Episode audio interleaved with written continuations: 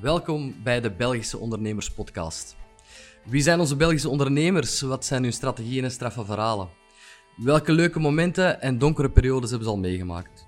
We kennen allemaal de historiek van uh, topondernemers als Mark Koeken, Willy Nases en noem ze maar op. Maar wat speelt er bij de gemiddelde KMO, de kleine zelfstandige of evenzeer de start-up?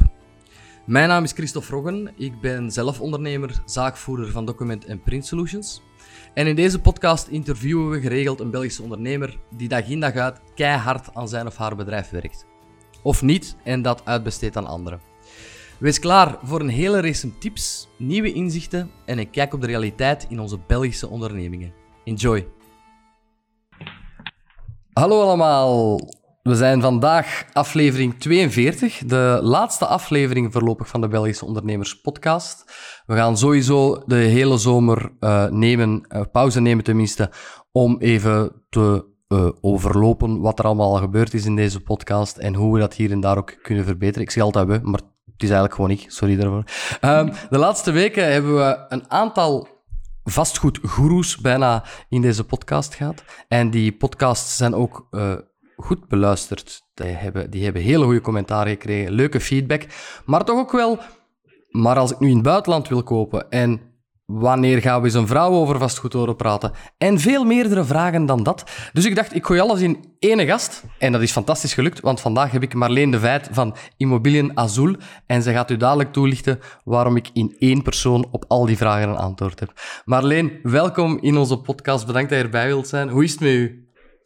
Dank u, Christophe. Goed, goed, goed. Ik ben er helemaal klaar voor. Dus uh, vuur die vragen maar af. Ja. ja.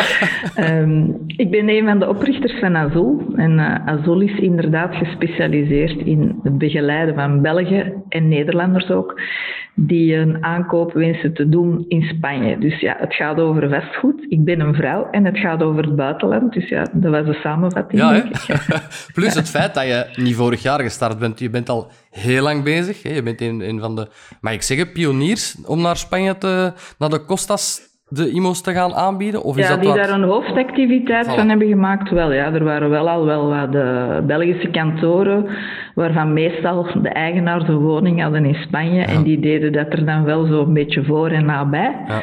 Um, maar Azul was een van de eerste ja, die inderdaad alleen maar de verkoop van uh, Spaans vastgoed, de begeleiding daarvan eigenlijk in de markt heeft gezet. Ja. Wat nu een super hot item is. Want iedereen, zeker met die crisis, iedereen wil zijn geld in panden in Spanje steken. Dus allee, ja, ik zie een heel gelukkige vrouw voor mij zitten, daar niet van. nee, vertel eens hoe is begonnen. Was het maar zo eenvoudig, ja. was maar zo eenvoudig. vertel mij eens hoe, dat, dat allemaal begonnen is, Marleen. Waarom denk je ineens, ah, wel, ik ga vastgoed verkopen in Spanje? Um, zolang als ik werk of zolang nadat ik afgestudeerd ben, heb ik eigenlijk nooit niet. Je hebt veel mensen die zo'n heel afgewerkt plan hebben of een doel van daar ga ik naartoe. Dat had ik eigenlijk helemaal niet. Ik, bij mij was het go with the flow. Uh, ik heb eerst acht jaar voor Amerikanen gewerkt. Ik heb daar heel veel van geleerd. Um, maar ik wist ook wat ik daar niet van wilde overnemen. En dan heb ik eigenlijk een aantal jaren gewerkt voor een Belgische ondernemer, maar een, een echte ondernemer, puur sang, tot zijn 16 naar school geweest en dan een bedrijf uit de grond gestampt. Dus daar zeg ik altijd, daar heb ik het ondernemerschap geleerd. Want bij die Amerikanen heb ik leren managen, maar niet leren ondernemen. Okay. Als je daar met een nieuw idee afkomt, dan zeggen ze ja, dat is goed. Dat gaan we uitrollen en dan krijgt er een financiële man de opdracht van zorg dat we daar middelen voor hebben. En iemand anders moet zorgen dat er een pand voor gezocht wordt en nog een marketingafdeling die moet opstarten en, en je bent daar een radertje in het rad. Ja. En dat is heel leerzaam. Als je pas gestudeerd bent, ik heb het er aan al onze kinderen aangeraden van ga eerst bij een groot bedrijf eh, werken. Die hebben de middelen en de mensen om je goed uh, op te leiden. Maar het is pas bij de volle, in de volgende stap eigenlijk dat ik dat ondernemerschap, daar kwam ik bij iemand terecht. En die man die vloog regelmatig naar China of over heel de wereld. En dan wist ik, ah, maandag is hij terug van een reis. En dan zegt hij van, ah, ik heb daar iets gezien. Zou dat niks zijn voor de Belgische of de Europese markt? Dat werd op mijn bureau geploft. En ik moest dan zien van, is dat iets haalbaar? Dus... Um, zo kwam hem terug in de, in de tijd met uh, die ijssculpturen. Je had dat dan in grote hotels, die ijssculpturen die voor die buffetten werden. En dan zei hij, dat in Europa bestond dat nog niet. Hè. Is dat niks? Dus je moet dan echt out of the blue, dat noem ik ondernemerschap. Ja. een idee, is dat idee, is daar een markt voor? Um, en dat eigenlijk zo uitrollen. Dus zo ben ik eigenlijk... Um, in, in dat ondernemerschap gerold. Uh, ik heb daarna een tijdje een bedrijf van hem overgekocht, eigenlijk omwille van mijn kinderen. En nu vindt iedereen dat normaal dat je en carrière kunt maken en kinderen opvoeden. Maar destijds, ik had een man die ook heel de wereld rondvloog. Um, ik wilde er zijn voor mijn kinderen tegen dat ze naar de lagere school gingen, hè, om toch, mocht het zich voordoen dat ik ze moest helpen, dat ik dat toch zou kunnen als ik dat wilde. En als er een, een zwemmoeder nodig was, dan wilde ik mee kunnen gaan zwemmen. En ik zocht dan eigenlijk een andere job, waarbij dat ik ja, toch wel mijn ambities kon waarmaken en die interessant was. Maar in die tijd was dat eigenlijk niet. Dan kwam die in de part-time jobs terecht. Ja, die vond ik dan niet niet interessant genoeg. En dan, ja, de enige conclusie was, ja, ik moet zelf een bedrijf uit de grond stampen, waarbij dat ik dan eigenlijk zelf mijn tijd kan indelen. Als de kinderen in bed liggen, dan werk ik verder. Woensdag namiddag was ik thuis. En zo ben ik er eigenlijk ingerold. En ik heb ook altijd heel veel met vrouwen gewerkt. En ik ben heel bewust op zoek gegaan naar dames die eigenlijk hetzelfde probleem hadden als ik. Van wel ambitie, maar er toch die combinatie met die kinderen wilde kunnen doen. Ja. Um, en zo heb ik eigenlijk met hele fijne mensen kunnen samenwerken, omdat toen was dat iets bijzonders. Hè. Een werknemer die zei van ja, ik wil alleen maar werken tijdens de uren dat mijn kinderen op school zitten en voor de rest wil ik thuis zijn. Dat was niet, dat, was niet. absoluut niet standaard. Ja. En ik zal zeggen, in dat Amerikaans bedrijf was dat helemaal niets. Hè. Want ik heb na de geboorte van mijn dochter daar gevraagd uh, ik gaf borstvoeding van, ja, kan ik hier borstvoedingsverlof krijgen? Want dat kind wil niks anders eten. En het antwoord was, nee. Ja, je moet terugkomen. Je kunt je dat vandaag niet voorstellen. Hè? Dat zou een rel zijn in een bedrijf. Dus ik heb de, de, de harde kant gezien en ik had echt wel van, ik wil dat anders doen. En als ik het anders wil doen, moet ik het voor mezelf doen eigenlijk. Hè? Ik had toen een decoratiebedrijf. En zo kwam ik ook bij allemaal ja, Vlaamse ondernemers eigenlijk. Want wie houdt er zich in, de, in een bedrijf bezig met, uh, met planten? Want ik had een bedrijf dat eigenlijk de bedrijven decoreerde met planten. Ah, super. En dat waren altijd hele boeiende ondernemersverhalen. En zo had ik af en toe wel eens een klant die zei van zeg Marleen, wilde jij voor ons hier niet de sales en de marketing komen organiseren? Dan moest ik zeggen, ja, sorry, maar dit is mijn bedrijf. Um, maar na een tijdje, dat is dan het nadeel van... Um, ik was bijna dertig toen ik voor mezelf gestart ben. Je hebt eigenlijk niemand meer waar dat je van kunt leren. Want je hebt geen collega's en er staat niemand boven u. Hè? En als je fout maakt, dan is het uw geld. Dus ik, ik miste dat. Ik, ik was dan wel lid van een aantal businessclubs, waar vooral ook ja, kleine ondernemers in zaten. Die hadden een beetje dezelfde problematiek. En dan konden wij interessante figuren uitnodigen. En je kon daar wel eens mee, mee sparren met die mannen. Um, dus langs de ene kant was, dat, was ik dat bedrijf ondertussen een beetje ontgroeid. Dat alleen, die speeltuin was te klein. En omdat verschillende mensen dat vroegen, dacht ik van ja, als ik nu inderdaad die, die sales en die marketing eh, woord consultant, ik gebruik dat niet graag, maar eigenlijk bij bedrijven die daar een probleem mee hebben, proberen van dat op de reis te gaan zetten. Ja. Maar wel met de bedoeling van mezelf zo snel mogelijk te vervangen. Niet met de bedoeling van er te blijven. Dat heb ik altijd heel duidelijk gezegd. Alhoewel dat ze altijd probeerden. En zo heb ik ja, heel toevallig in een Nederlands bedrijf terechtgekomen. Waar dan uh, een van de mensen, uh, van de, commerciële directeur eigenlijk, was een dame. Die ging op zwangerschapsverlof en die Nederlandse klant die vraagt van... Kan jij, want ik zocht eigenlijk voor hen, kocht ik gronden aan in het buitenland. Kan jij haar job er niet bij nemen de volgende drie maanden? Dat was niet van harte, maar het was een goede klant. dacht, ja, ja, drie maanden, wat is dat? Ik ga dat doen. Die dame is nooit meer teruggekomen en die is vertrokken met haar gezin naar Spanje. en die is daar vastgoed gaan verkopen. Ah, echt? ja, en die heeft dan na een aantal jaar, na twee jaar, heeft hij mij gecontacteerd en die heeft gezegd van zeg, ja, ik kocht sowieso al heel veel gronden in, in Frankrijk. Dus ik was eigenlijk al wel...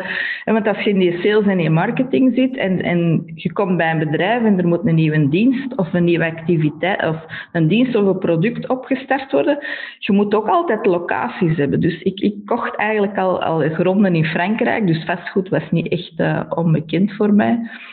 Um, ik ben daar eens naar gaan kijken, want mijn partner die wilde eigenlijk niet in België wonen, want die vond dat dat veel te klein was. Uh, die wilde eigenlijk in de Caraïbe wonen, maar dat zag ik niet zitten. Ja, je wel gelijk natuurlijk. Zuid-Europa is misschien een compromis. Uh Dus dan ben ik daar gaan kijken. En um, hun grootste probleem was eigenlijk dat als ze veel uh, klanten hadden in Spanje, hadden ze geen tijd om mensen die nog in het begintraject stonden te begeleiden totdat ze klaar waren om naar Spanje te gaan. Daar begin ik dan eigenlijk voor hen beginnen organiseren. En na twee jaar ben ik dat dan eigenlijk voor mezelf uh, begonnen. En ondertussen zijn wij met 17 mensen. Wauw. Dus dat is al behoorlijk hè, in vastgoed. Wat een verhaal. Dus je bent eigenlijk uh, niet bij hen doorgestoten. Je, je bent zelf begonnen, op jezelf. Ja. Om dat ja. Uh, ongeveer dezelfde trafiek aan te bieden dan. Ja, zij deden vooral... Ik, ik uh, bewerkte voor hen eigenlijk de Nederlanders. Ja, die een zoek thuis nodig hadden of op een beurs. Of ik organiseerde beurzen voor hen. En um, eens de klanten klaar waren, werd, werden die op het vliegtuig gezet. En zij gingen die dan ginder verder afhandelen. Um, is eigenlijk niet goed afgelopen. uh, en dan moest ik de keuze maken van ja, niet dat ik geen klanten had, maar andere redenen. Um, en dan moest ik de keuze maken van ja, gaan we dat voor onszelf opzetten, maar dan voor België, of stoppen we daarmee? Ja. Um, en omdat we zelf ook ja, alle twee gebeten zijn van Spanje eigenlijk, kom er ook al van kleins af aan, gingen wij altijd op vakantie op Spanje, mijn partner ook. En hebben we gezegd van ja, we gaan het een, uh, we'll give it a try. Oké. Okay. Ja. Okay. En dat was september 2008. we zijn ons bedrijf gestart twee weken voor de crash van de Lehman Brothers. Dus dat wow. komt tellen. dus dit is voor mij de tweede crisis dat we eigenlijk mee maken. Um, ja, wij waren helemaal klaar. De naam, je hebt je materiaal georganiseerd, je staat op een beurs. Ja, niemand van de standhouders wist dan welke kant het ging uitgaan. Hè. En dat is eigenlijk heel positief ja? geweest. Uh, ja, ja, ja. Um, ja, toen ik nog voor die Nederlanders aan de slag was, dan moest je eigenlijk altijd op tegen mensen die, die bij u kwamen en die, die man zei dan, ik zet het wat stereotyp van ja, maar als we die villa willen kopen, dan moet ik mijn aandelen verkopen en mijn aandelen brengen 16% op en die villa, dat gaat mij niet veel opbrengen. Maar ineens was heel dat financieel systeem, er was geen zekerheid niet meer en die baksteen, dat was zekerheid. Juist. Ja. ja? En hetzelfde zien wij eigenlijk nu een beetje, van als, als, uh, als er een crisis is, dan worden de mensen eens goed door elkaar geschud. Dat brengt, sommige mensen zijn dan angstig, oké, okay, die gaan op hun portemonnee zitten, die geven niks meer uit. Uh -huh. Maar andere mensen die zeggen van ja, wij hebben plannen voor later, maar later, wanneer is dat? Is er een later voor ons? Hè? Ja, ja. We weten één ding, we zijn vandaag gezond, we hebben de middelen, ja, waar wachten we eigenlijk nog op? En die doen het nu. En dat was na de financiële crisis, was dat eigenlijk ook zo. Ja, als uw geld zelfs bij de banken niet meer veilig was, ja. Ja, dan kon je toch maar beter in bakstenen steken. En dan bakstenen die onder een stralende zon staan en die dan dankzij de financiële crisis ook nog eens de prijzen serieus naar beneden gedaald waren. Dus dat is eigenlijk achteraf gezien heel positief uitgepakt. Hè. Dat was een hele positieve start, maar dat was wel even schrikken. Hè. Dat zal wel. En ik wil even vragen, want je begint er zelf over. Is dat een verschil met de crisis van toen en die van nu? Dat toen die prijzen ook heel hard gedaald zijn, maar dat ze nu in tegendeel zelfs misschien wat stijgen? Ja, dat, dat eigenlijk, er zijn een aantal grote verschillen. Hè. Dus enerzijds is eigenlijk um, de startsituatie van Spanje was van, voor corona totaal anders. Die was veel positiever. Hè. Er was nog een economische groei van meer dan 2% verwacht voor Spanje in 2020, terwijl in 2008 stonden ze er sowieso al niet, niet goed voor. Uh, er was ook een enorme overstok in Spanje. Er was veel te veel gebouwd, veel meer dan dat er vraag naartoe was. Dat is nu absoluut niet het geval. Hier en daar lokaal wel. Ik heb een boek geschreven over eh, Spanje en daarin had ik al voorspeld in 2019. Maar ja, de prijzen zijn teruggestegen. Uh, er op sommige plaatsen is er weer wat uh, overstok, te veel tegelijkertijd gebouwd. Maar niet te vergelijken met 2008, waar dat, massaal was. Wij hadden projecten waar ze 3000 woningen tegelijkertijd aan het ontwikkelen waren. Als vandaag een projectontwikkelaar een project in, uh, in de markt zet van, van 200 units, dan is dat al veel. En dan doet hij dat al eens in vier fases van 50 units. En dan past hij, past hij zich aan aan wat wordt er meer gevraagd. Twee slaapkamers, drie slaapkamers. Moet mijn gevel anders? Moet de keuken open? Moet de keuken dicht? Ja, dat, dat, allee, dus de startsituatie totaal anders. Spanje stond er veel beter voor. Er was veel minder overstok nu. Dus ja, er was ook niet zo nood om de prijzen in elkaar te laten zakken. De projectontwikkelaars waren eigenlijk vooral, allee, vooral de grote, de kleintjes zo niet. De grote die waren veel beter gefinancierd. Ja. want de banken hadden veel strengere eisen gesteld. Hè. In, in, Spanje heb je ook Basel 3, Basel 4. En die moeten veel meer reserves aanleggen. Die projectontwikkelaars moeten veel meer eigen middelen op tafel leggen om sowieso een project gefinancierd te krijgen. Dus die kunnen ook wel beter tegen een stootje. En um, vanuit Belgische ogen en vanuit Belgisch standpunt eigenlijk, dan denkt je van oei, en al die Belgen kunnen niet meer naar Spanje vliegen, maar er worden 550.000 woningen in een goed jaar in Spanje verkocht, waarvan nog garme 55.000 aan buitenlanders. Dus ja, dat is 10%. Ja. De rest van de, de markt in Spanje heeft hetzelfde gehad als België. Hè. Van, van 13 maart tot, bij hen was het zelfs vroeger, vanaf 11 mei waren de restaurants en zo terug open konden terug transacties doen. Dus die markt heeft niet zo lang op slot gezeten. Wel voor de buitenlanders. Wij hebben er veel harder onder geleden. Wij lijden er vandaag nog altijd onder dat de mensen niet vlot, ja, mensen kunnen niet vlot reizen. Het gaat over een droom die ze willen waarmaken. Het gaat over heel veel geld.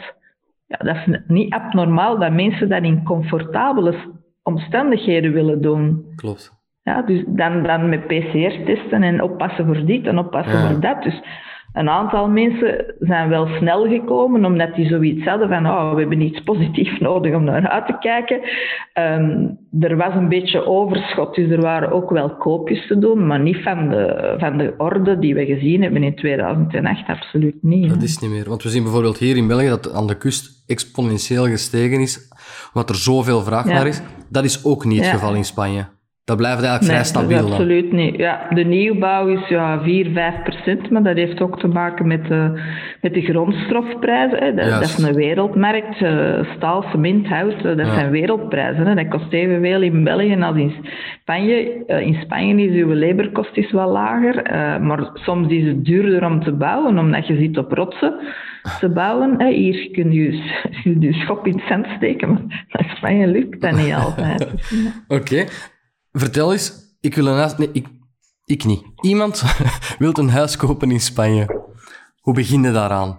Want ik kan me voorstellen dat daar heel veel angst mee gepaard gaat. Van gaan we wel het juiste en hebben we wel de juiste regio? En er zijn zoveel vragen. We komen zoiets ook terug op uw boek, waar ook wel een deel van uitleg in staat. Maar hoe begin je aan het feit, iemand zegt tegen zijn partner, ik ga een huis kopen in Spanje.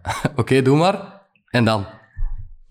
Ja, voor ons is het nog... Er zijn twee eh, dingen die belangrijk zijn. Dat is één, laat u begeleiden door de juiste partij. Voilà. Uh, en twee, it's all, about, it's all about location. Okay. Uh, ik kan u het mooiste huis van de wereld laten zien in een regio die u niet bevalt of in een dorp waar je u niet thuis voelt. En dat gaat een miskoop zijn. Dus Ehm, ik krijg vaak de vraag van ja, hoe kunnen een goede makelaar erkennen? Wel, ene die evenveel spreekt over de regio waar je terecht gaat komen en wat je daar wilt gaan doen enzovoort, dan die spreekt over die huizen. Wij maken het eigenlijk nog straffer. Ik vind eigenlijk persoonlijk, als het aan mij lag, zouden onze mensen op voorhand naar de klanten geen huizen mogen mailen. Ja? In België moet je informeren over hoe zit dat aankoopproces in elkaar, waar moet ik voor oppassen, hoeveel extra kosten zijn er nog, hoe zit dat met die verhuur, dat rendement, wat is een reëel rendement, eigenlijk alle praktische, juridische, financiële dingen, dat moet je in België allemaal in kaart brengen voordat je vertrekt. En wij gaan samen met u aan de hand van een soort vragenlijst kijken wij, dat zijn 21 vragen, van ja, wat doet je graag in Spanje? En daarop gaan we een regio kiezen eigenlijk. En als de klant in Spanje komt, is dat ook het eerste wat wij gaan doen. Dat is bevestiging zoeken van, is die regio iets voor die klant? Ja, wij zeggen ook, en als je daar komt en wij hebben ons vergist, wij doen dit 13 jaar, dus in principe weten wij wel welke regio bij welke klant. Maar dan mogen van mij drie dagen op het strand gaan liggen, want dat heeft geen enkele zin dat wij u een pand laten zien. Natuurlijk zo werkt dat niet. Hè? Want dan doe je heel die uitleg hè? en dan zeggen ze, ja, ja, dat is waar en dit en dat en dat. Heb je dan zo niet wat panden dat je mij kunt laten zien?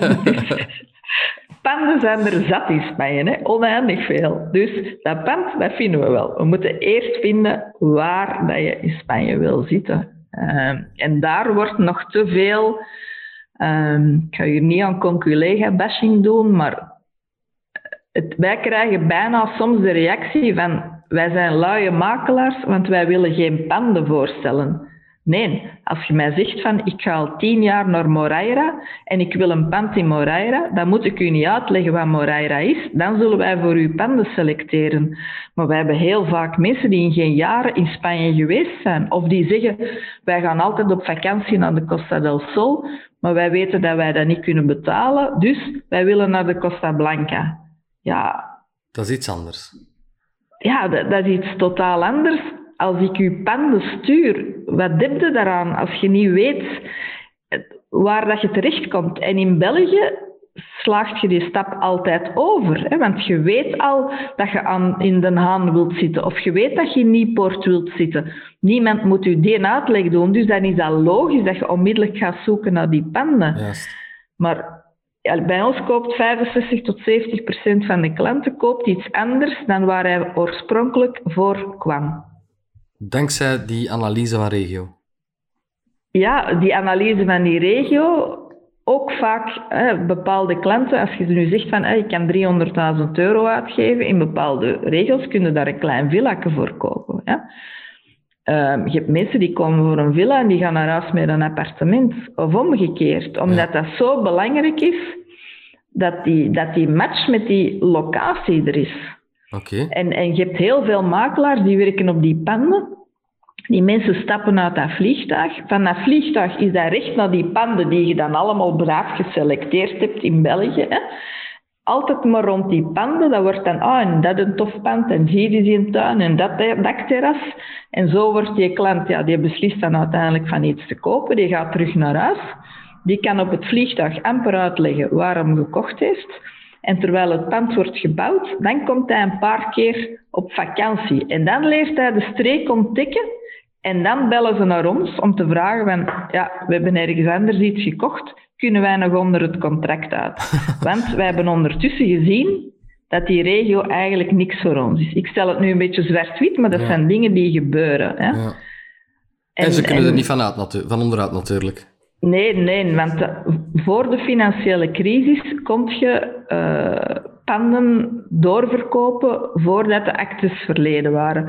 Maar tegen dan, tegenwoordig heeft elke ontwikkelaar in zijn contract staan dat dat niet mag. Ja, hij wil dat niet, want anders maakt hem, als een verkoop niet snel genoeg wordt, gaat, dan zijn de mensen die aan het begin van het traject gekocht hebben aan een lagere prijs, hè, want als je off-plan koopt, is het goedkoper, dan worden dan concurrenten van een ontwikkelaar, die, nee, dus dat willen ze niet meer. Nee, dus dat gaat niet. Dus het is, het is locatie, locatie, locatie. En dan voor de juiste redenen kopen. Hè. Dus um, als je mijn naam googelt, ik denk dat Uh, je hebt ergens een platform in Brussel en dat gaat alleen over investeren. En die hebben als titel hè, dat ik zeg van, uh, dat je niet in Spanje moet zijn om te investeren. Uh, dat zeggen wij ook al tien jaar. Als dat puur om het rendement is, gaat, dan moet je niet in Spanje zijn. De rendementen zijn te laag. Je moet zelf van het land houden. Je moet daar zelf vakantie willen doorbrengen en het dan wat verhuren om vaste kosten goed te maken. Prima. Maar puur voor rendement, nog eens, ik heb economie gestudeerd, dat rendement is veel te laag. Er zijn andere manieren om centen te verdienen. Je moet dat geld er niet insteken. En dat ben ik blij dat dat eigenlijk stilletjes aan zijn de mensen zich daarvan bewust. Dat is eerlijk. Uh, ja, eerlijk duurt het langst. Absoluut. Om rijk te worden, zei mijn vader. Dus, uh. nee, maar eerlijk duurt inderdaad het langst. Maar, maar het is wel, kom binnen, hè. Mensen, we zien dat vaak ook als een investeringspand, hè. Ja, maar de mensen waar het binnenkomt, dat zijn de mensen waar, die daarvoor openstaan. Wij doen webinars Ehm, ik krijg heel vaak mensen die bedankjes sturen en die zeggen, ja, dank voor het eerlijk verhaal. En ik had een beetje schrik dat er verkoopverhaal in zijn. Dat is helemaal niet. Maar dat zijn per definitie al mensen die zich goed informeren. Want anders schrijft u niet in voor een webinar. Hè? klopt. Het, het zijn, ik, ik wil eigenlijk graag de mensen ehm, bereiken die, ja, die een beetje te veel, hoe moet ik het uitleggen... Um, te veel dromen en zweven? Die in een ongeluk lopen is veel gezegd, maar die eigenlijk niet ver genoeg op voorhand nadenken. Ja. En die dan eigenlijk bedrogen uitkomen. Uh, en dat zijn meestal de mensen die er financieel het minst goed tegen kunnen. Want degenen die financieel er goed tegen kunnen, die informeren zich meestal Juist. grondig vooraf. Ja, en, en je ziet nu wel dat dat idee van... Uh, het, rendement is niet gigantisch. Hè. Het is anderhalf, twee, drie procent als je het heel goed doet. Ik spreek netto op jaarbasis in uw zak. Um, bij, bij, die webinars doen wij altijd op voorhand, voordat ze deelnemen, sturen wij ook al een bevraging. Hè, dat, uh, want ik heb wel titels van webinars, maar als je een gewoon een infoavond doet, als de mensen binnenkomen, dan doe ik al eens een praatje en ik hoor met wat voor verwachtingen dat ze komen en dan kan ik daarop inpikken. Natuurlijk, als je op je scherm zit te, te loeren, dan gaat dat niet. Dus wij vragen dat op voorhand. Hè, van, is het uh, om te, puur om te verhuren of is het een mix, hè, beide? Of wilt je niet verhuren? En als je rendement verwacht, wat verwacht je dan? En bij het laatste webinar, dus dat was uh, vorige week, had ik toch al 60% die antwoorden tussen anderhalf en 2,5%. Dan dacht ik van, ah, die mensen zitten hier met realistische verwachtingen. Yes, uh, ja. Eigenlijk er zelf naartoe gaan op vakantie en voor de rest verhuren, zodat de lening terugbetaald wordt. Daar zijn de meeste van uit ontgaan dan. Ja, de meeste van, van onze klanten zijn nog altijd cashkopers, dus wij hebben minder die financieren. Maar als je natuurlijk een hoger rendement wilt, ja, als je goedkoper kunt lenen ja. Die anderhalf tot drie procent, ja, je kunt tegenwoordig daarvoor lenen. Hè. Dus um, uw, uw interest op uw lening is lager dan uw rendement op uw aankoop. Hè. Absoluut. Um, naast regio, wat is er heel verschillend met een pand kopen in België? Verschilt de IMO heel hard tussen België en, en de sector dan, hè, tussen België en Spanje? In België heb je 10.000 makelaars, in Spanje heb je 165.000. Wat blijft 165.000? Maar Spanje is ook veel groter. Niet, ja, ja, maar 48 miljoen. 48 miljoen tegen 11 miljoen, hè. dan zouden er dan 40.000 mogen zijn. Hè. Wow. Het is niet gereglementeerd, het beroep. Dus als jij nou vanavond zegt, ja, ik heb dat hier allemaal goed gehoord, ik weet niet hoe dat, dat werkt, ik verhuis naar Spanje, ik ga daar makelaar spelen, dan kan dat. Wacht, zonder licentie? Ja, er is alleen maar in uh, Spanje heeft uh, eh, 17 autonome gewesten. En alleen maar in uh, Catalonia is er een, een, beperkte regelgeving. En dat wil zeggen dat je minimaal in statuten moet hebben staan dat je makelaar bent. Je moet je inschrijven ook op een publieke lijst.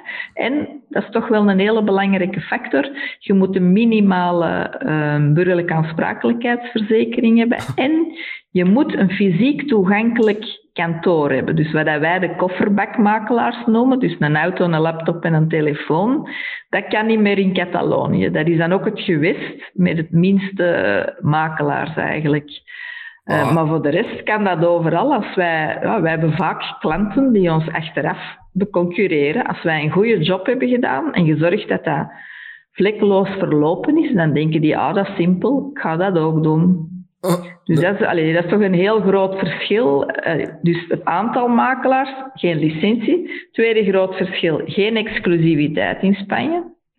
Hier werken de residentiële makelaars heel vaak in exclusiviteit of co-exclusiviteit. Met andere woorden, als uh, zij en eventueel de co-exclusieve makelaar zijn de enigste die het pand mogen verkopen. Dus als jij dat pand wil kopen, moet je bij die makelaar passeren.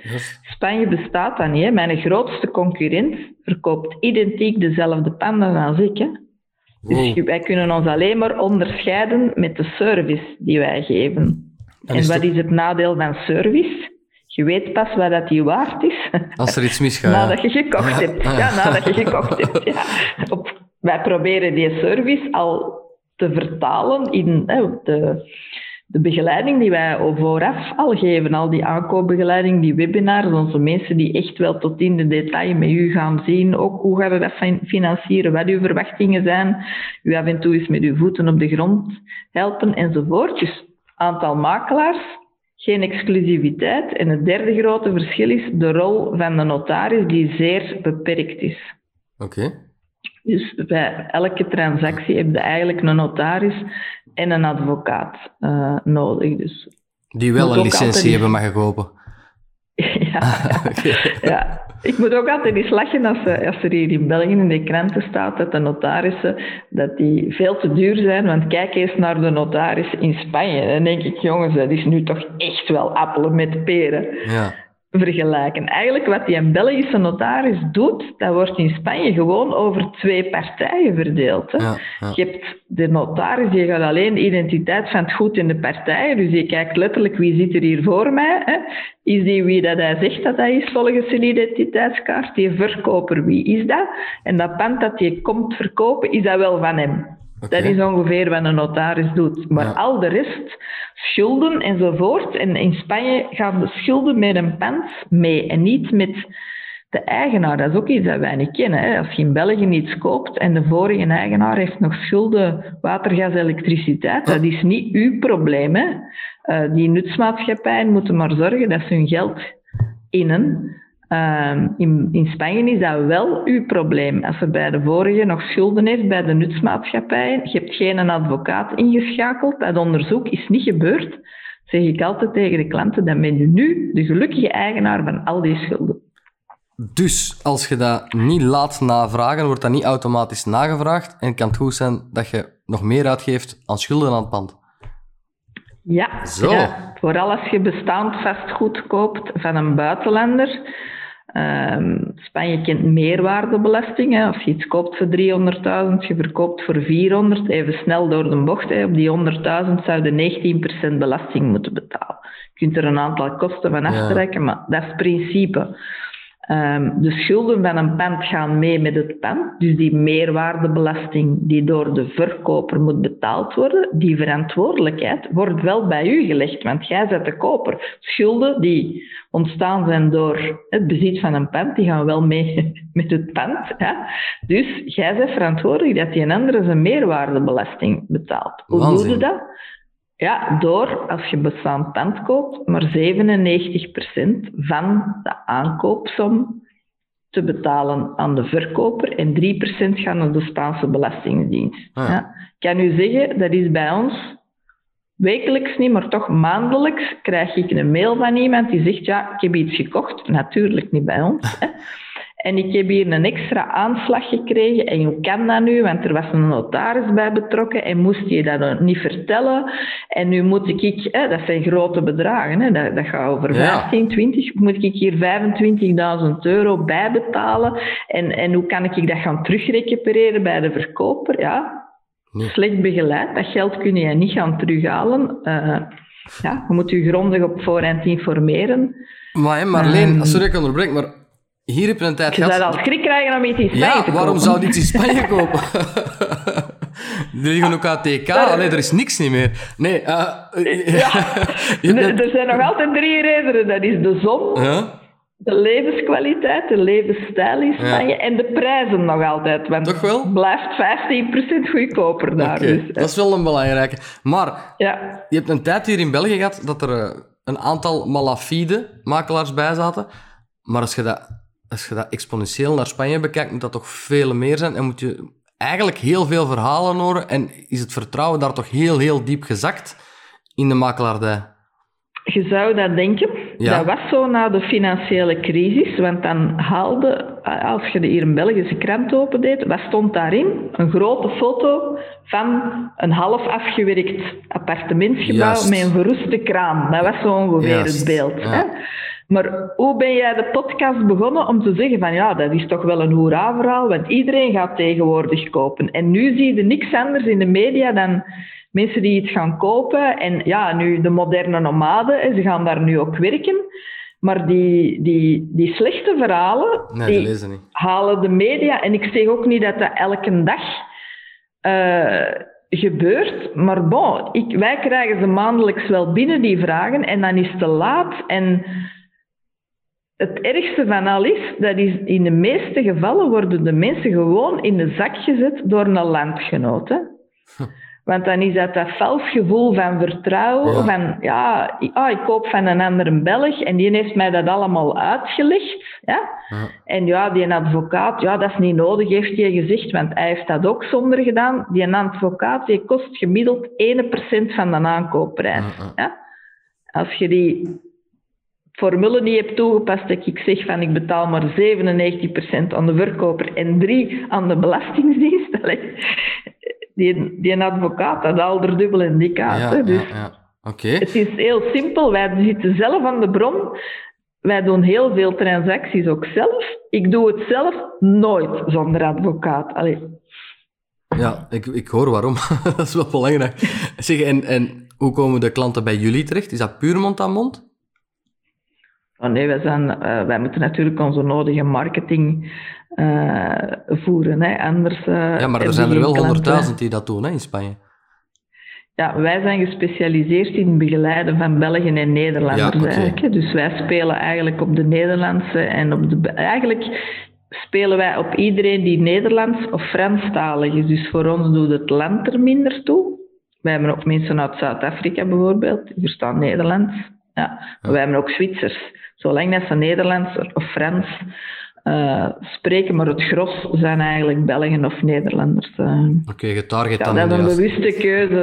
We kunnen dat verder eh, uitbreiden, maar dat is allemaal simpel gezegd. Maar je moet, allee, onze, de- onze groei wordt het meeste belemmerd door het feit dat je niet snel genoeg de juiste mensen aan boord krijgt. Dat is bij elk bedrijf. Ja, Eh, zo aan de klantenzijde, de, aan de vraagzijde, hebben wij niet tekort. Maar ja, we moeten ook nog de juiste mensen in dienst hebben om het, om het zo uit te rollen. En er zitten veel cowboys bij. Ik heb vandaag met een advocaat gesproken, ook gespecialiseerd in, eh, in eh, vastgoed. En die zegt ook, ja, die, ging een blog, die schrijft een blog, zou deze week moeten uitkomen. En die zegt ook, ja, de cowboys zijn terug. oké. Ja. Dus, ehm, ja, wat niet anders kan hè, met zo'n formule. Wat doe jij zelf Ja. in het bedrijf? Hè? Je bent de CEO. Wat, wat, wat, wat zijn de taken die je zelf uitvoert? En doe je dat vooral vanuit België of vanuit Spanje? Eh, missie, visie, strategie doe ik samen met mijn partner, dat is Johan Konings. Ehm, en ik hou mijzelf eh, in bedrijf vooral bezig met de marketing eigenlijk. Ik ben ook de, het, allee, het gezicht van het bedrijf eigenlijk. Ehm, dat is hetgeen waar ik, mij, waar ik zelf actief eh, nog mee bezig ben. Ja, en eh, dat is vooral vanuit België? Vooral vanuit België, ja, België of Nederland, omdat hier ja, mensen eh, moeten hier begeleid worden. Ja. Eh, en dan sturen wij die uiteraard naar, naar Spanje. Wij hebben een commercieel directeur die eigenlijk onze commerciële mensen, zowel in België als in Spanje, aanstuurt. Maar bo, alle marketing, we hebben wel externe partijen waar wij mee ook eh, samenwerken en ook voor de communicatie. Maar daar hou ik altijd nog heel sterk de vinger aan de pols en eh, daar dagelijks mee bezig zijn. Dat is mijn ding. Ja. Belangrijk. Maar ik hoor wel, als ik het goed interpreteer, dat het schip ook zonder jou zou varen. Niet zonder jou, dat bedoel ik niet. Maar ik bedoel, het is zelfsturend ook. Ja, dus dat is eigenlijk ook wel onze bedoeling van ons beiden. Dus um, mijn partner die komt van Gartner, hè, dus die is echt gespecialiseerd in uh, IT-automatisering, digitalisering enzovoort. En eigenlijk mijn sales- en marketing achtergrond in combinatie met zijn IT-kennis. Uh, die heeft altijd de Fortune 500 bedrijven eigenlijk geadviseerd over hè, um, waar gaat je met je bedrijf naartoe, ja. startende vanuit wat is technologisch mogelijk en hoe kunnen we daar ons bedrijf, hoe kunnen we daar ons ding mee doen als bedrijf.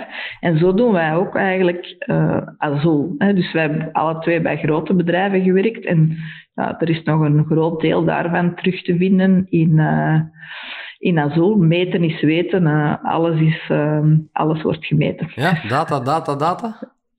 Ja, ja, maar niet data om de data. Hè. Je moet er ook nog eens over na. Ja, Zo heb je er, ja maar wat je niet weet, hè, meten is weten. Uh, maar allee, toch wel een. Uh, hoe moet ik het zeggen? Ook weer met boerenverstand naar kijken. Hè. Ik, ik, ik, lees te, allee, data om de data.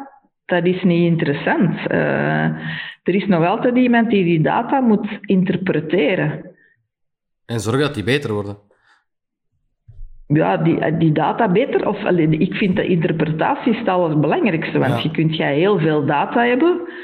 Uh, wij zaten als een van de eerste Europese bedrijven in een, um, het artificieel intelligentieprogramma van Microsoft. Hè. Dat was okay. dankzij uh, mijn partner. Ik was zeer verbaasd dat ze dat in het Nederlands al uh, um, eigenlijk aan het uittesten waren. Ja. Um, en wat bleek, om u maar een idee te geven van data is maar data, als je dat niet met boerenverstand uh, bekijkt, op een gegeven moment zegt dat systeem, die en die klanten, die gaan niet meer tevreden zijn. Want wat doet die? Dat systeem kijkt naar hoeveel interacties zijn er, hoe lang zijn die zinnen, hoeveel woorden worden er gebruikt, enzovoort. En op basis daarvan selecteert hij dan en zegt hij van ja, die klanten zijn toch, die worden goed opgevolgd, die zijn niet goed opgevolgd. Wat bleek? Dat dat systeem geen onderscheid maakte tussen interne communicatie en externe communicatie. Natuurlijk, als ik met onze mensen communiceer of uh, daar straks, hè, er moet een uitgaan, uh, dat wordt allemaal klaargezet en dan krijg ik met een mail en dat is, Marleen, kijk er eens naar. Ja. Veel woorden zijn dat niet. Ik antwoord, oké. Okay. Ja. ja. Ja.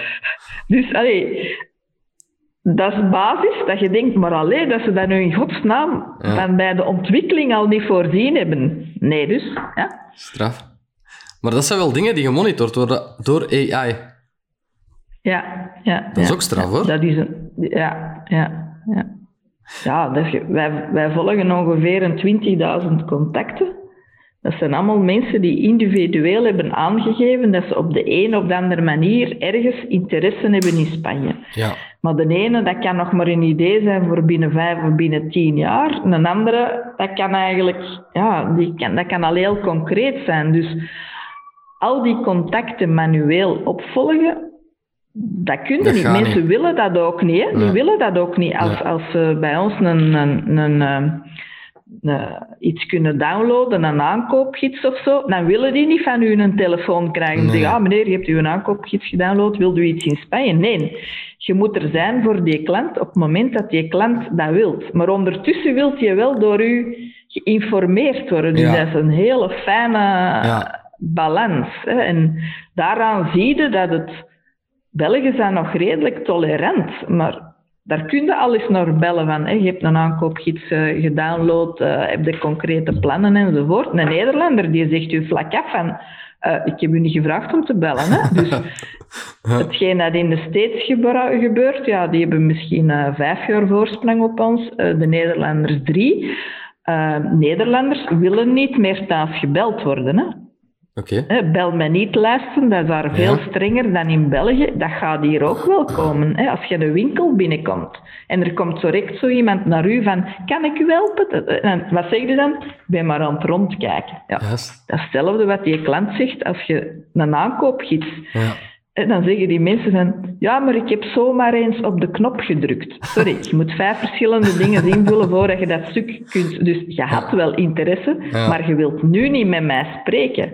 Ja. Ja, dan, dan moeten we er op de een of andere manier kunnen uitfilteren. Hè? Ja, en dan Wij willen er zijn als, als de klant behoefte heeft, dan willen wij er zijn. Voilà. Ja, en Ja. dan willen wij ook die tijd kunnen besteden aan die klant. hè. Als wij een gesprek hebben met een klant de eerste keer, dat zijn gesprekken anderhalf uur tot twee uur. Oké. Dus eh, aan, aan Belgische loonkost is het onmogelijk van, als mensen nog niet in een ver genoeg gevorderd stadium zijn, dan dat ook al allemaal te doen. Hè? Ja. Maar ze willen wel geïnformeerd. Je ziet dat duidelijk, ze volgen u, eh, ze vragen af en toe eens iets aan. Maar het is pas als, je, als ze veel dingen tegelijkertijd beginnen aan te vragen, of verschillende panden, dan weten we van ja, het wordt concreter. Hè? En dan bieden wij ook aan van kijk, ehm, is het is niet verstandig van eens rond de tafel te gaan zitten en een keer van A tot Z kijken wat uw wensen zijn. Hè? Wat is daar realistisch in die, die wensen? En dan een match met een streek te zoeken. Als die klant er dan klaar voor is, dan zegt je ja. Ja, je moet gewoon constant top of mind zijn voor de moment dat er klaar voor is. Voilà. Ja, Dat is eigenlijk geen- het. Ja. Ja. En Zeg- dan moeten kiezen hoe dat je top of mind wilt zijn natuurlijk. Hè. Wij willen als de expert top of mind zijn. Ja, dat spreekt voor zich. En daar steekt dan heel veel software en AI achter. Jijzelf, uw dagen zijn die non-stop gevuld met werken? Van, van, van 7 tot, tot 11? Of is dat, loopt dat allemaal wat doorheen? Van, van zeven niet, want ik ben geen ochtendmens, vandaar dat ik mij prettig voel in Spanje. Oké, dan moet ik dus ook naar Om Spanje. zeven uur slaap ik nog. Ah, ja. En om laat, om laat begin je dan? Ja, ik begin meestal niet voor half negen, maar ik ben Nee. nog gemakkelijk om tien uur of om half elf bezig. Dat is niet, ik ben geen ochtendmens. eh. Nee. Maar is elke dag wel non-stop, eens je begint ermee bezig zijn? Ja, dat wel. Zeker met corona. Ik bedoel, eh, Ja. dat moest wel. Wij hadden dezelfde problematiek eigenlijk als de reisbureaus. Dat wij 20% meer aanvragen hadden.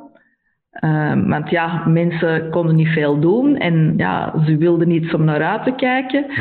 Eh, wij promoten dat dan ook wel. Wij zeiden, hè, onze, onze, onze informatie gaat niet in lockdown. Hè, en ja, dus ze, dan hebben ze tijd om daarmee bezig te zijn, maar wij konden niet verkopen. Want je Amai, kon dat frustrerend Spanje brengen. Ja, dus je moet, we hebben meer mensen moeten inzetten om dat eigenlijk te kunnen volgen, terwijl dat je wist, hè, dat van de mensen van de reissector, ja, er staat geen omzet tegenover. Ja. Nu, gelukkig, onze omzet van vandaag is niet de verkoop van vandaag. Hè. Wij zitten in nieuwbouw. Ehm, ja, hetgeen dat, wij, dat er vandaag, de actes die bij vandaag passeren en de commissies die vandaag passeren, kunnen verkopen zijn van anderhalf jaar geleden. Hè. Dus Ja. gelukkig zet daar wat eh, vertraging op. Dus, ja. Ja. Nee, Maar- ik ben eigenlijk, ja, ik heb, ehm, ik heb wel altijd een probleem gehad met, het, eh, met de term eh, work-life balance. Die mogen ze voor mij gelijk afvoeren. Ehm, Gewoon ik geloof work daar balance. niks. Ja. Nee, nee, het gaat mij niet over die work balance. Ik vind, het is precies of dat je hebt een werk en je hebt een leven. En dan zeg ik van ja, definieer mij eens eerst wat is werk. Want ik ben zelfstandig. Ja. Is dat werk dat één waar ik dan voor betaald word? Of wat? Of, maar ik word de ene maand niet meer betaald dan de ander om dat werk te leveren. Ja. Ja. En dat, dat andere is dan dat leven. Dus als ik dan iets aan het doen ben waar ik voor betaald ben, op het moment dat ik dan... Ja, Ja, als, eigenlijk is u, het is, voor u is het ook niet werk waarschijnlijk, voor u is passie. je hebt een leven en Ja. daar, ja, voilà, je van alles in. En dat een, dat hebben ze nu toevallig werk genoemd. Dat dat even tijd kunnen noemen. Ja. Maar ze hebben dat werk genoemd. Ja. Ja, ja, voor zelfstandigen. Hè? Want natuurlijk, als je in loondienst bent, is dat wel een ander verhaal, denk ik. Eh met alle respect daarvoor, maar dan moet je echt gaan werken en dan is dat voor het geld waarbij dat je tikt. Als je binnenkomt en tikt, dat je buiten gaat. Hè? Toch? Ik hoop dat mijn kinderen dat toch anders aanpakken. Ja, ja, ja, dat is wel zo. Hè? Ik is weet wel- dat die hun werkgevers blij zijn met mijn kinderen, want die denken zo niet. Nee, Nee. nee die nee, komen binnen nee. en buiten wanneer het... eh, Ja, het, is meer en meer aan het opkomen, die, die glijdende... Glijdende zelfs niet meer. Gewoon de uren werken wanneer jij vindt dat het past in je leven. Je blijft werken, hè? Ja, past door je leven. En anderzijds, wanneer dat uw klant vindt dat hem u nodig heeft. Hè. Dat is nog een moeilijkere, vind ik. De Ja. klant die altijd vindt dat hem u nodig Voilà. heeft. Dus dat is, dat is veel moeilijker. Hè, Daar denk ik wel aan teruggekomen. Om op een bepaald uur gaan mijn gsm op niet storen, terwijl dat dan nooit gebeurd is vroeger.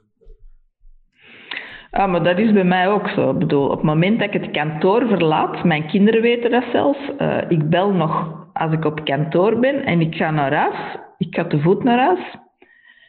Ehm, en dan heb ik een hekel aan bellen. Hè. Dan Ja, ja, moet voilà. het in brand staan. Ja. En ik kan ook, als wij vakantie hebben, sorry, ik ben met vakantie. Ja. Maar ik heb geen enkel probleem voor mijn gsm niet na te kijken, mijn laptop Nee. niet open te doen. Nee, als ik zeg van gedaan, nee, nu niet, want nu ben ik niet aan het werken. Maar alleen, er zijn nog mensen dat Ding, dat ding. gezegd hebben. Dat, ik dat kan ik niet. Dat lukt mij niet, wat ik ook Dat probeer. komt dan misschien nog wel. Ja. Vroeger kon ik dat ook niet, maar nu kan ik dat wel. Ja, kan maar echt- je moet ook weten van, van, we hebben een goed team. Ja. En je hebt het er straks al gezegd van, voor de dagdagelijkse operaties kan dat team zonder mij draaien. Ja? Dat moet zalig zijn. Sorry, team. ja, toch? Dat is waar, dat- waar ieder ondernemer Ja, oké, naartoe wil. maar dat, dat, is, dat is, ofwel heb je een team en je kunt daarop vertrouwen, en dan moet het ook mogelijk zijn dat je daar niet elke dag moet zijn om dat team aan te sturen. Hè? Ja, absoluut. Maar ja, dat is wel iets anders dan twee weken in het buitenland. En dan in Spanje zitten, twee weken vakantie pakken. Hè? Ja, wij zitten, en als we op vakantie gaan, dan zitten wij vaak op een boot, dus wij zijn ook gewoon niet bereikbaar. Goh. Dat gaat ook gewoon niet. dus, eh, Fantastisch. Zeg, en, en Ja. eh, doe je iets van sport of zo? Of oh, heb je hobby's? Ja, je hebt geen hobby's, want je leven is een hobby. Ik kan hier niks meer vragen, hè? dat gaat niet. Ja, nee, ik, ik lees heel graag. Ja? Ik lees heel lees graag, dus als ik... Bah, meestal economische boeken, ehm, behavioral sciences, dat interesseert mij heel, heel erg. Ehm, nu ben ik gewoon eh een boek van eh Babel van Lembegem, van Scriptorijk. Ik weet niet of dat je die man kent. Dat is een man die, die u leert schrijven. En heeft nu juist pas een boek uitgegeven. En nu wil ik mij wat meer eh, verdiepen in het schrijven van teksten voor websites, voor SEO's. En ik Super. schrijf gewoon heel graag. Dus eh, Ja, oh, fantastisch bruggetje, Marleen, dank u wel. Want je hebt een boek geschreven. Hè, dat heb je ja, toch... dat hadden we straks al gezegd. Ja, dat is waar, maar Nee. we moeten misschien eens een beetje Ja. uitweiden over dat boek. Want gewoon zeggen, ik heb een boek geschreven, daar zijn we niet veel mee. Hè? Vertel eens, wat heb je geschreven? Zo koop je een huis in Spanje, is de titel, hè? Ja. Ah, kijk, voor de diegenen kijkers. die wel aan het kijken zijn, Ja. ja. die niet luisteren. Zo koop je een huis in Spanje. Ik heb dat boek geschreven in ehm, 2019. Ja. Ik ben al drukker gegaan 2019 eh, ehm, en de boekenbeurs gepresenteerd dan in november. En het boek is eigenlijk is er gekomen doordat heel veel mensen zeiden van ja, je hebt daar zoveel ervaring en expertise in, waarom schrijf je er eigenlijk geen boek over? En het idee was eigenlijk van de meest gestelde vragen daar een antwoord op te geven en die te bundelen, maar dat leek mij dan zo'n beetje een saai boek. Ja, ja. Ja, voilà. Dus ehm, ik had het idee van, ja, mensen die nog maar dromen van Spanje, die misschien nog zelfs niet weten dat het Spanje wordt, misschien is het Italië of Portugal, ehm, die moeten er hun ding kunnen in doen. Dus ik heb een hoofdstuk inspiratie, hè. dat zijn de leuke plaatsjes en dorpjes. Ik beschrijf ook elk dorpje vanaf Costa Blanca Noord, Denia, tot helemaal onder Cartagena, Murcia en de Costa del Sol Hola. leuke barkens, beachrestaurants eh enzovoort. Super. Staat er dat. Maar het is ook een antwoord ehm, op de mensen die eigenlijk op zoek zijn naar een stappenplan, die echt zeggen van ik ben er klaar voor. Hè. Leg me nu uit. Stap 1, wat moet ik doen? Hè. Eerst stap 1 is de regio bepalen, hè, bijvoorbeeld. Dat zit daar ook in. Eh, en er zit ook een overzicht van de Spaanse vastgoedmarkt. Als ik webinars geef, dan zeg ik ook altijd van ja, eigenlijk zorgen wij ervoor dat je op het juiste pand koopt, op de juiste plaats, aan de juiste prijs. Ja. Nu, wat is de juiste prijs? Je moet je daar echt wel een beetje willen in verdiepen om jezelf een oordeel te kunnen vormen als je in Spanje bent. Die prijs die ze mij hier nu noemen, is dat redelijk? Hè? Die makelaar zegt, dat is hier zoveel, dat is een fantastische prijs. Eh, de juiste prijs, je moet die kunnen herkennen. Hè? Dus, en daarom heb ik aan dat boek ook een, de vastgoedgeschiedenis, eigenlijk, een beetje historiek van Spanje, vanaf 2000. Dus ik zet er ook de financiële crisis is erin beschreven tot nu. En ik had er eigenlijk ook een prognose in gezet voor ehm, tweede helft 2019 en 2020. En dat is helemaal uitgekomen. Dus nu kan ik tijdens een webinar zeggen, voilà, dat was onze prognose. En ik heb bewijs dat ik dat op voorhand heb gezegd van, hier is mijn boek. Dat is stevig bewijs. Ja, dat is stevig bewijs, ja.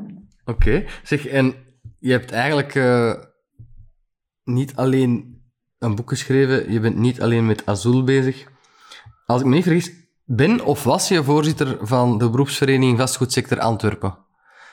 Ben ik nog altijd. Ik ben nog altijd de voorzitter van CIB Antwerpen. wat houdt dat juist in? Is dat in de gaten houden of alles vol de regeltjes gaat? Of wat, wat is juist... Uh... Nee, je hebt, het, je hebt het BV, dat is eigenlijk het beroepsinstituut. Dat moet toezien of dat alle makelaars deontologisch correct bezig zijn en of dat ze voldoende vorming hebben enzovoort. De consument moet ook beschermd worden. Maar je hebt het CB, dat is eigenlijk een, eh, een beroepsvereniging, een leden vereniging. Ah, en die eigenlijk de belangen van haar leden moet behartigen. Wat zijn de belangen van de leden? Dat zijn de vastgoedprofessionals. Dat zijn niet alleen de makelaars, dat zijn ook de syndici. Dus zij doen enerzijds lobbywerk naar de overheid. Dus um, tijdens corona was dat heel nuttig, hè, want die, die, al die vergaderingen van die syndici, er is een hele hoop wetgeving voor ontwikkeld. En CB heeft daar ook mee, samen met de notarissen, aan gewerkt om een werkbaar verhaal te krijgen. Hè? Geen, geen theoretische, allez, een wet waar je eigenlijk helemaal niks mee uh, kunt doen. En anderzijds zorgen die eigenlijk dat, hun, uh, dat ze relevant blijven voor de leden en de leden voor hun klanten. Hè? Dus dat ze van de nodige documenten allemaal voorzien zijn, dat er ook software wordt ontwikkeld waardoor die makelaars makkelijk kunnen werken. Oké, oké. En daar ook weer van, ja, uh, ik kijk dan met, met buitenlandse ogen naar de Belgische markt. En ik was er eigenlijk lid van geworden, dat is nu bijna vijf jaar geleden, omdat die klant die verwacht van ons dat wij het verschil uitleggen tussen de Belgische markt en de Spaanse markt. Dat is ook hetgeen dat jij er straks vroeg. Wat is het verschil? Ja. om goed verschil te weten, moet ik op de hoogte blijven van waar, waar er en zeilt er in België. Hè? Ik was daar lid van geworden en um, ik zag dat dat heel theoretisch gefocust was naar de juiste contractjes met de juiste invulling enzovoort. Ik zie dan wat dat er in de wereld gebeurt, wat voor groepen dat er opstaan, wat voor vastgoed mastodonte makelaars dat er zijn. Dat je denkt van jongens, in België gaan we het toch moeten proberen. Ja. Die een tanker een beetje.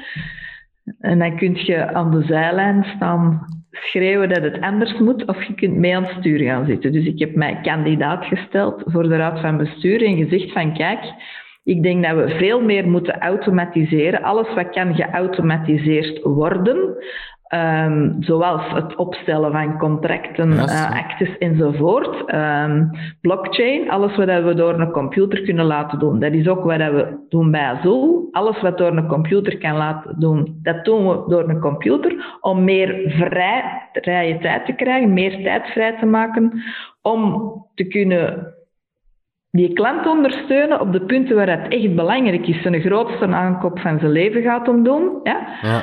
Um, het is niet alleen de deur open en dicht doen van dat pand. Hè. Het is ook adviseren over hè, de renovatie. Dat gaat altijd maar meer uh, belangrijk zijn. Dus we moeten zorgen dat die makelaars ook beter nog gevormd zijn, dat die het verschil zien tussen een structureel gebrek of ergens uh, een barst in de bepleistering. dus dat was mijn pitch. Ik dacht, ja, die gaan denken, wat zegt die daar met een Spaans vastgoed? Die kent er niks van.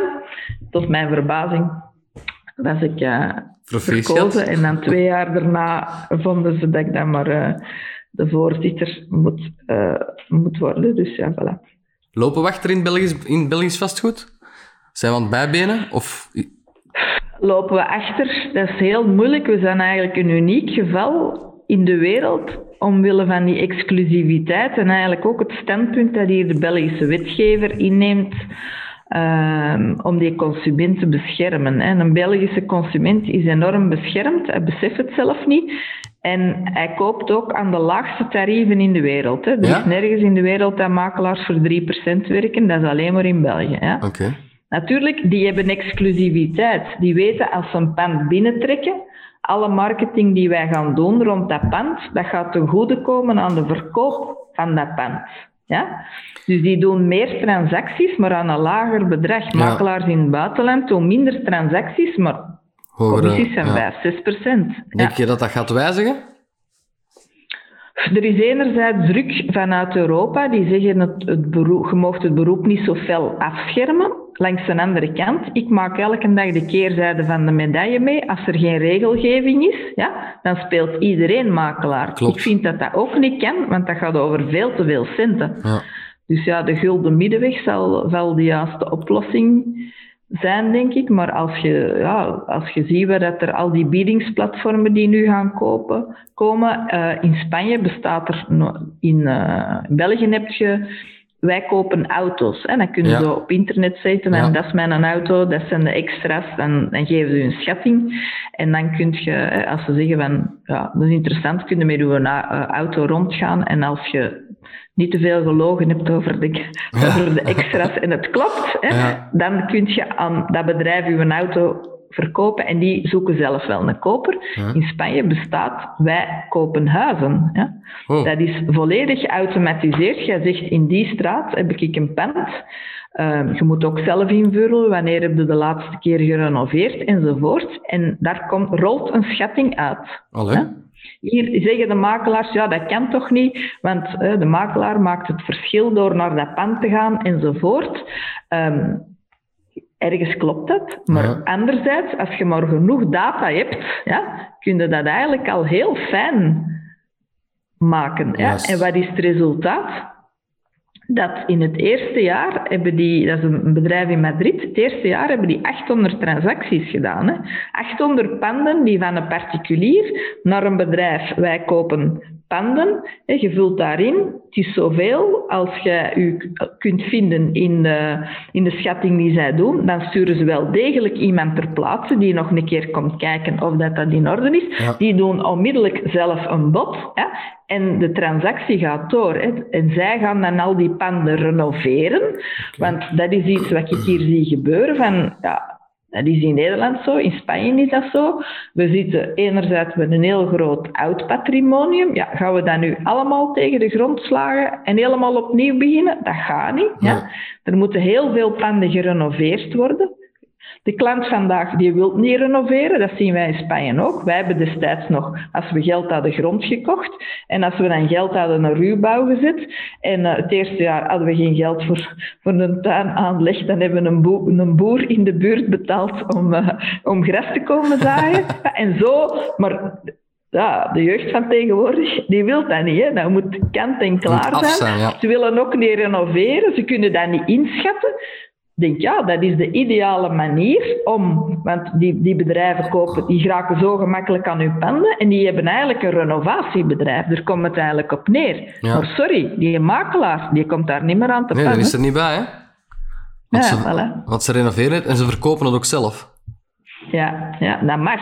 Allee, zelfs in België zou dat ook mogen. Hè. Als je het zelf verkoopt, dan moet jij geen makelaar zijn. Hè. Zijn er nog van die... Mag, ja, klopt. Ja. Zijn er nog van die evoluties dat je ziet verschijnen? Ja, de, de, de, notarissen, hè, de, de notarissen met hun bidit-platform, die ja. mensen, de millennials, die vinden dat tof, hè, dat ze kunnen bieden online en weet ik veel, en dan wel naar dat panden gaan. Ja, de makelaars zien dat niet graag gebeuren, want die zeggen, ja, die notaris speelt makelaar. Nu, die, die notaris heeft niks anders gedaan dan eigenlijk iets ouds, hè, gaan bieden in een café, wat toch echt niet meer van deze orde is.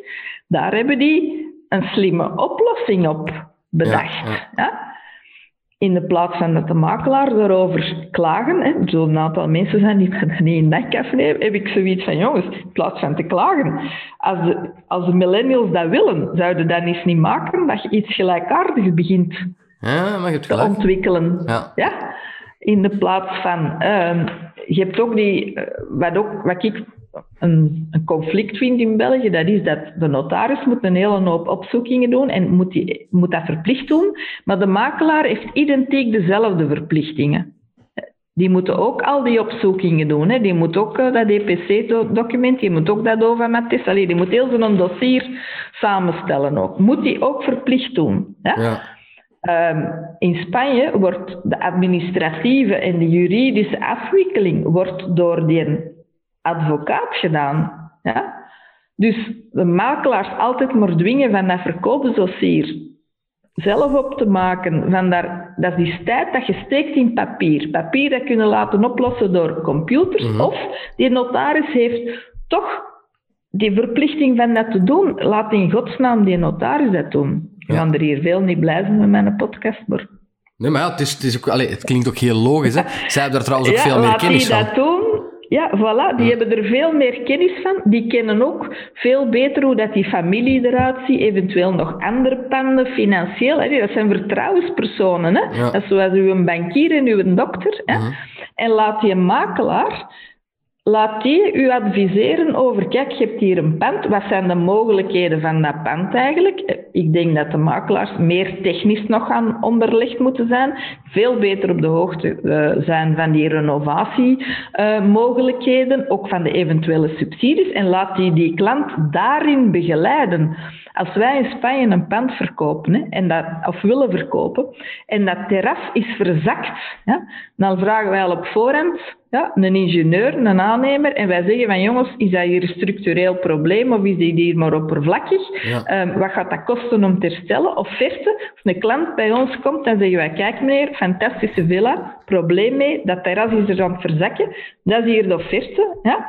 Ehm, dus wij gaan zeker in de onderhandelingen dat meenemen, want die kost gaat u moeten maken, want anders gaat hier een probleem hebben. En als je wilt, kunnen wij dat achteraf voor u ook nog coördineren. Dat is wat wij in Spanje doen Ja, ja. omdat wij dat papierwerk door die advocaat laten doen. Ja. In Engeland wordt papierwerk door een advocaat gedaan. In de Verenigde Staten wordt papierwerk door een advocaat gedaan. In Zweden bestaan er eh, bijna geen notarissen meer. Ja? Eh, ik, ik wil dat absoluut niet denigreren tegenover de notaris. Dat is absoluut de Dat bedoeling ook zo Die hebben zeker hun rol te Ja. spelen, 100% zeker.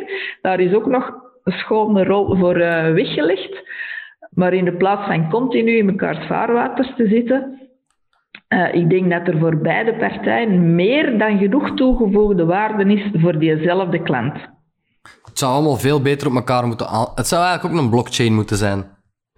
Die beroepen op elkaar. Ja. Ja, Nee, Hongarije je daar ook. Hè. Allee, de transacties van een, van een pand, sorry, dat dat vier maanden moet duren in België. Als je dat in het buitenland vertelt, dan zeggen die, wat doen jullie dan allemaal? hoe, lang gaat het, eh, hoe lang duurt het in Spanje? Ja, wij kunnen dat op een maand ronddraaien als we willen. ik heb dat nooit begrepen, Ja. waarom het dat zo lang moet duren.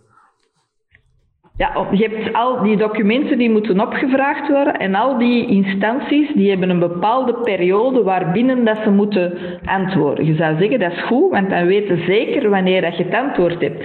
Maar als die allemaal het maximum van hun te- termijn gebruiken, dan Het zou, Ja. het zou handig zijn dat je die gewoon online met een klik volgens dossier zou kunnen al raadplegen. die Ah, databanken, hè, want je hebt de carpas, maar je hebt ook de huizenpas. Hè. Die zit eraan te komen. Dat was mijn motivatie voor bij CIB, mijn kandidaten stel ik zeg, jongens, er komt zoveel eh, vernieuwing, automatisering aan de...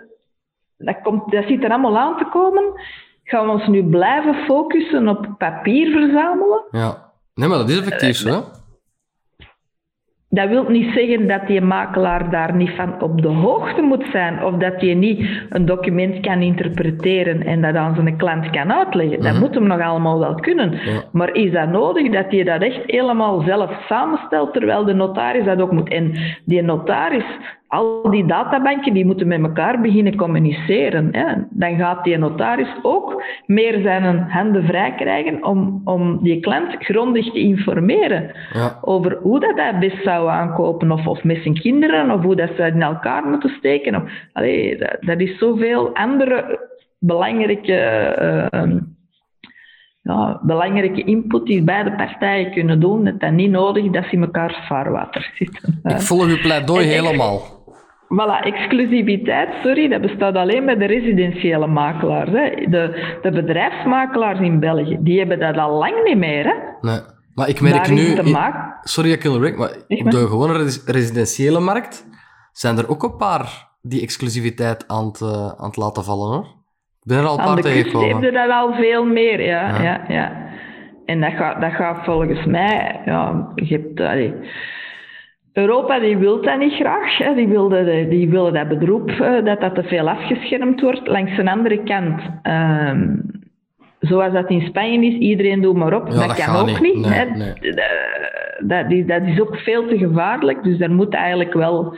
Er moet een, een zekere regelgeving zijn. En er moet nog altijd een partij zijn, zoals een notaris. Dat is uiteindelijk een, een vertrouwenspersoon, waar dat je van weet. Die is ook verantwoordelijk voor die daden dat hem stelt. In België die makelaar ook wel, Ja. maar...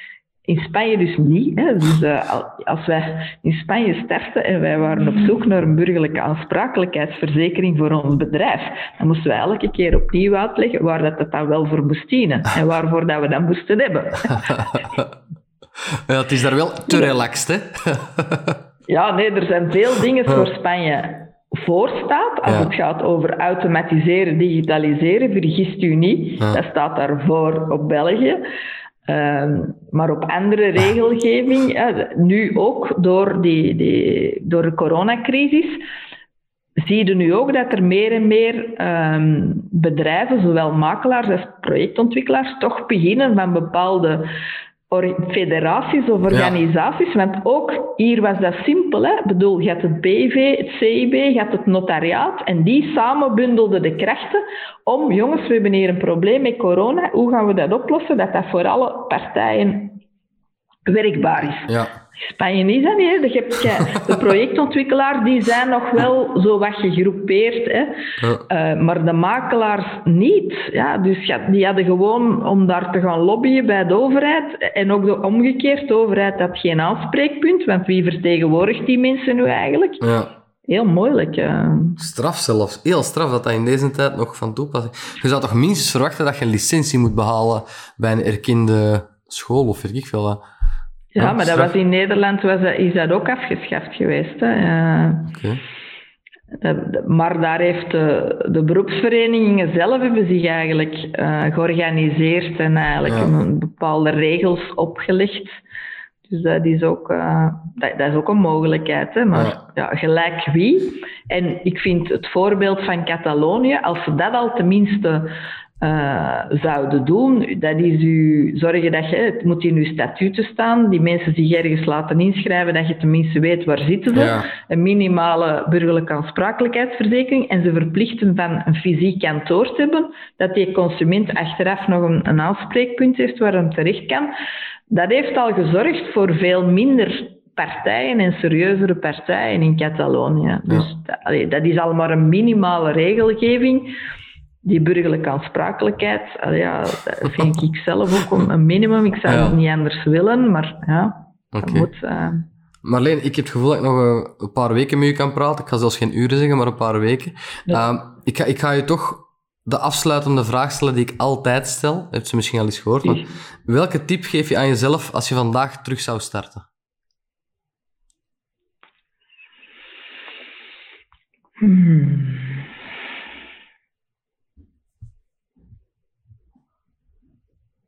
Moeilijke.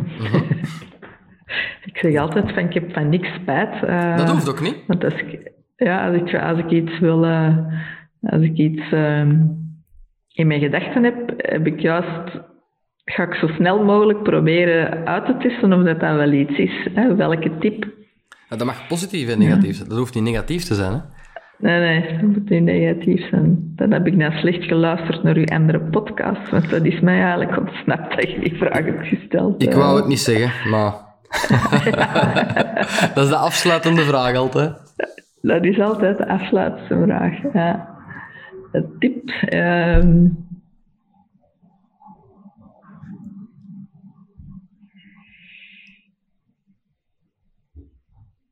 Nee, ik heb alleen de tip die ik aan mijn kinderen heb gegeven. Van, eh, nadat je afgestudeerd bent, aan een groot bedrijf eh, starten. Eh, dat je de klappen van de zweep daar leert en dan pas voor jezelf starten. En Dat is een waardevolle tip, Marleen. Je, hoeft niet per se te antwoorden, ook niet. Hè? Het kan zijn dat er ergens iets zat waarvan je dacht, dat had ik dan misschien sneller of anders aangepakt, maar dat hoeft niet per se. Dat is teken dat je helemaal één met eh, hoe het gelopen is. En dat is schoon, zoals ze zeggen Ja. bij ons. dat is gewoon... Oké, Marleen, ik, uh, wil je nog iets kwijt? Wil je nog iets de wereld insmijten? Alvorens uh, ik ga afscheid nee, ik dacht dat je ging vragen, wat is het allerbelangrijkste voor u? En dan zou ik gezegd hebben... Wacht, wacht, wacht, wacht, wacht, wacht, wacht, wacht, Marleen. wat is het allerbelangrijkste voor u? uw kinderen. Mijn kinderen en mijn kleinkinderen. Dus, uh, en ik zie dat niet los van mijn werk. Mijn werk is mijn leven, maar die kinderen weten dat ze op de eerste plaats komen. Uh, die moeten maar bellen. Of ik heb nooit gezegd tegen mijn kinderen: je mocht mij niet bellen, je mocht mij niet storen. Als ik zie dat ik ergens in een vergadering gelijk wat ik zie dat een van mijn kinderen belt, dan zeg ik: sorry, een van mijn kinderen belt. Ik moet even opnemen. Ah, fantastisch. Kijk, zoals ik daarnet al zag... Ik heb nog nooit iets gemist van mijn kleinkinderen. Ze hebben altijd bij geweest. Uh, Dan zeg ik nee tegen een klant. Ja, dat is heel mooi. Of zoals ik daarnet zei, schoon, schoon. Dat is echt heel mooi. Dat is, dat is ook nog altijd wat het belangrijkste is in het leven. Hè. Het moet uh, alleen maar rond familiegeluk draaien en al de rest is bijkomstig, zeggen ze. Maar als je het in een geheel kan gieten, nou, dat is helemaal in orde. Hè. Hoe, zeg, hoe zeg je dat? Mooi bueno? Weet ik veel. Mooi, Mooi bueno, ja. Marleen, uh, bedankt. Ik ga even afscheid nemen van kijker en luisteraar. Ik kom direct bij u terug. Zo, iedereen bedankt om deze voorlopig laatste aflevering helemaal uit te luisteren en te kijken. Ik heb nog een, uh, een leuk nieuwsje en dat is dat Marleen ook bereid is, dankjewel Marleen, super vriendelijk en lief, van een aantal van haar boeken, uh, zo koop je een huis in Spanje, weg te schenken aan onze luisteraars of kijker. Daar komt een actie van op Instagram, daar kan je ons volgen op Belgische Ondernemers. Je kan ons ook volgen op LinkedIn, en uh, ik heb een e-mailadres info.belgische-ondernemers.be waar je feedback kan geven of als je wil meedoen of iemand kent die wil meedoen, daar gerust een e-mail naar mag zenden. Die worden zeker beantwoord. En uh, ja, tot na de zomer of zo, of iets later. We zien wel uh, wanneer het te pas komt. Maar alvast bedankt om te kijken en te luisteren. En Marleen, wat ben ik blij dat jij erbij was. Want ze zeggen wel eens dat de IMO-wereld een mannenbastion is. Ja, dat is niet, hè. Nee, absoluut nee, niet. Nee. nee. ik denk dat ze allemaal schrikken van u zelfs. Dat denk ik niet. Nee, nee, nee. nee, nee. nee je bent ik neem geen blad voor de mond, uh, maar ja. Maar je wel, bent wel duidelijk een, een topvrouw in die, in die IMO-sector en dat is heel leuk om te zien. Uh, ik denk dat heel veel mensen ook aan het wachten waren om dat eens uh, te beleven en van ja, uit jouw standpunt te horen hoe dat jij de, de IMO-wereld ziet. En ik wil jou ook bedanken om uh, zo eerlijk en uitgebreid en passioneel, passioneel? Ja, passioneel te vertellen. Passioneel, ja. Gepassioneerd, pak passioneel, dat klinkt veel beter. te vertellen over, uh, over Azul.